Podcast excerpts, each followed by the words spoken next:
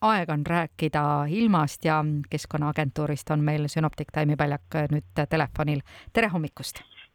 tere hommikust! no kas äh, on lootust, et ka meie saame kas või veidikene sellest kuumast osa, mis Euroopas valitseb? No eh, sellest kuumast räägitakse nii selles võtmes, et eh, kas meil on suur oht saada selle kuuma osaliseks või, või kas me ometi saame selle kuuma. no me ter-, me tervet ei taha, me tahaks ainult natukene, paar kraadi sealt.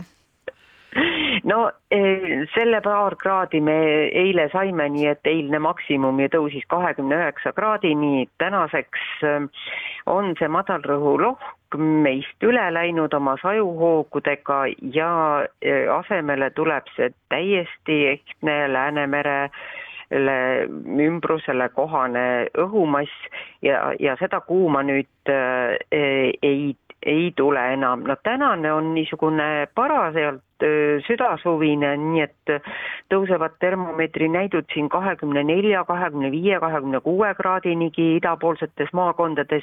nii et tänane päev on päris südasuvine ja ja päikest näitab ka, no on selliseid üksikuid arenevaid pilverünki, mis siis pärastlõunal võivad mõne üksiku sajuhuu anda, aga tänane päev nüüd selles reas tõenäoliselt selle täna, selle nädala päevade reas tuleb üks ilusamaid ja veel soojemaid.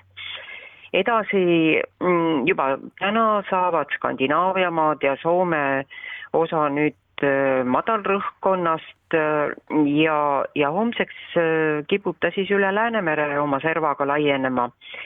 ja ja järgnevate päevade ilm on, on laias plaanis vähemalt ilmakaardi järgi üsna sama. Soome ja Skandinaavia on madalrõhkkonna hõlmas ja sellest ei saa nad lahti nädala lõpuni samal ajal Kesk-Euroopa kümbleb sellises soojas, mõnusas südasuves ja kõrgrõhkkond pakub ka päikest ja no ta sirutab siin, sirutub sinna Läti-Leedu poole aeg-ajalt tugevamini, aeg-ajalt nõrgemini ja siis servaga napilt ka Eestini. Ja no nende kahe vahel siis e, on meil kogu nädala niisugune mõõdukalt e, tugev edela- ja läänetuul, puhanguid siin sisemaal kaksteist, kolmteist, rannikul viisteist, kuusteist meetrit sekundis mõnel ööl jääb see ka nõrgemaks juba, aga, aga päevase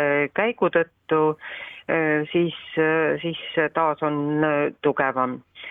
ja sajuhooge on öösiti hõredamalt ja, ja harvem, aga päevasel ajal tuleb siiski hoovihmadega arvestada järgnevatel öö, päevadel. võib-olla kõige vähem saab nüüd vihmahooge just lõunapoolne osa Eestist äh, ja seda siis nädala esimesel poolel. et seal ka täiesti välistatud need sajuhood ei ole, aga, äh, aga harvem neid kindlasti äh, tuleb. nädala teisel poolel tõenäoliselt saab ka Lõuna-Eesti rohkem, rohkem vihmahooge ja temperatuuri äh, näidud siin äh, eelolev öö tuleb küll soe, ei lange temperatuur alla kümne kraadi. Ja homsed maksimumid on juba natukene madalamad kui tänased, seitsmeteistkümnest kraadist siis sajuhoogude all kahekümne, kahekümne kahe kraadini siis kuivemates paikades aga järgnevatel päevad, öödel siis langeb temperatuur alla kümne kraadi, paar-kolm kraadi ja nädalavahetusel võib siin ka kuus-seitse kraadi see öine miinimum ol, olla ja, ja päevased temperatuurid kuueteistkümnest, seitsmeteistkümnest kraadist rannikul ja ka vihmahoogude all siis kahekümne, kahekümne ühe kraadini siis kuivemates paikades.